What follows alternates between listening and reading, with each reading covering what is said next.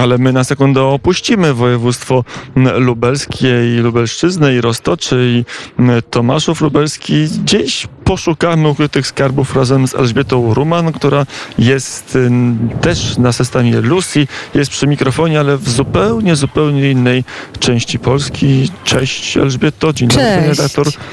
Gdzie witam, jesteś? dzień dobry, witaj Łukaszu, witam e, słuchaczy. Jestem na Pomorzu Zachodnim i muszę powiedzieć, że oczarowana po raz kolejny, bo e, piękne to są tereny, krajobrazy m, mm, jak na Podkarpaciu, wysokie wzniesienia, zakręty, drogi pośród wzgórz, zielono, cudownie, bociany i mm, wspaniali ludzie. E, to jest e, to poszukiwanie skarbów, to jest zawsze ogromna przyjemność, bo poznaję e, nowe miejsca, mm, a jednocześnie pasjonatów, takich odkrywców skarbów, z którymi mamy wiele wspólnych tematów. No i dzisiaj oczywiście tutaj, gdzie jestem, czyli była to gmina Malechowo i miejscowość Paproty. Poznałam pana, który jako jeden z niewielu Polaków miał pozwolenie na poszukiwanie złotego pociągu. Oficjalne od rządu polskiego, lata 90. Słynny poszukiwacz skarbów pan Marian e, Laskowski był gościem moich ukrytych porannych skarbów e, i no nie tylko z powodu tego złotego pociągu był e, gościem, a raczej z powodu tego, że w tej gminie Malechowo, bardzo niedaleko morskiego brzegu, stworzył Fort Marian. No taka nazwa, pan Marian Laskowski i Fort też Marian.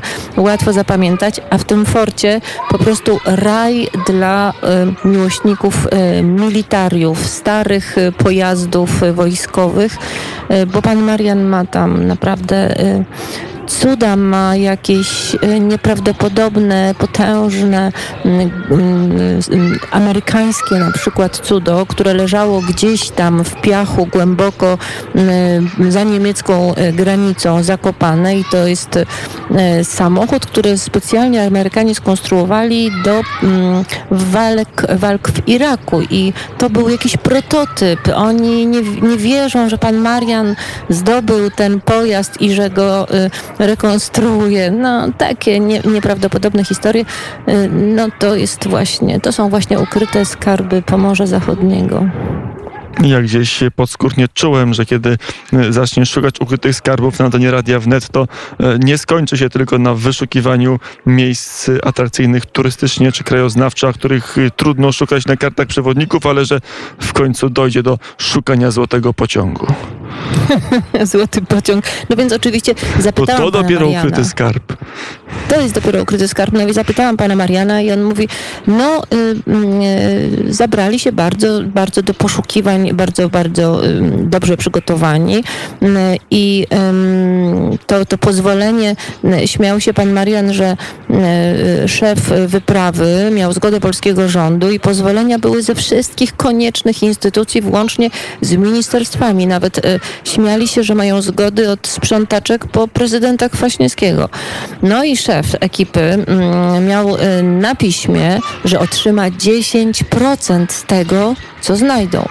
E, pan Marian jako uczestnik wyprawy miał dostać pół procent od tych 10. No, y, takie różne ustalenia tam mieli.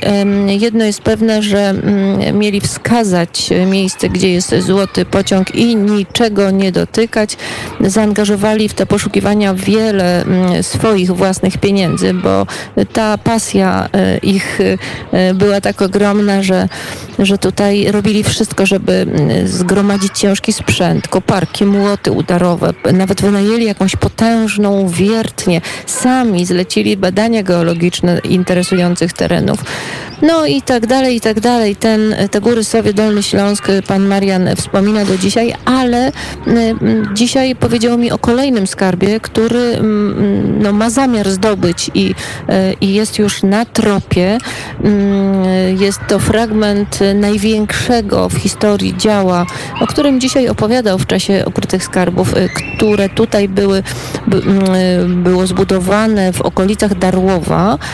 Sam Hitler przyjeżdżał na inspekcję przy budowie tego działa.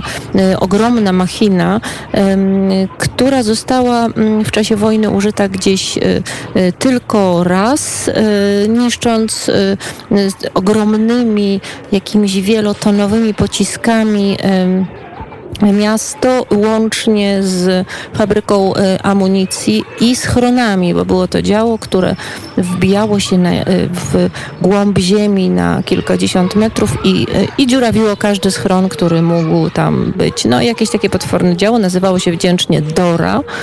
No i kawałek tej Dory niedawno został odkryty przez pana Mariana u jakiegoś pasjonata w Niemczech. No i pan Marian właśnie prowadzi rozmowy, żeby no i taką ciekawostkę do swojego militarnego fortu przywieźć. Zagonić. Ja więcej ukrytych skarbów już niedługo na dnie Radia Wnet. Elżbieta Ruman nie na laurach nie osiądzie, będzie dalej e, szukać. Zresztą taką ma naturę radiową, dziennikarską i ludzką, że e, tych ukrytych skarbów ciągle szuka. My e, znajdujemy razem z panią redaktor, a i owszem, kolejne skarby, które gdzieś tam są ukryte, czy, czy pod ziemią, czy po prostu na zakamarkach mapy, gdzie nikt nie dojeżdża, czy prawie nikt nie dojeżdża. Dziękuję bardzo i do usłyszenia. Dziękuję bardzo, do usłyszenia. Mm, a my wracamy do Tomasza Lubelskiego, chociaż zanim zamkniemy dzisiaj naszą opowieść o Roztoczu, to mm, należy nam się chociaż jedna taka prawdziwie wakacyjna piosenka. Mm, czas na zespół Demono.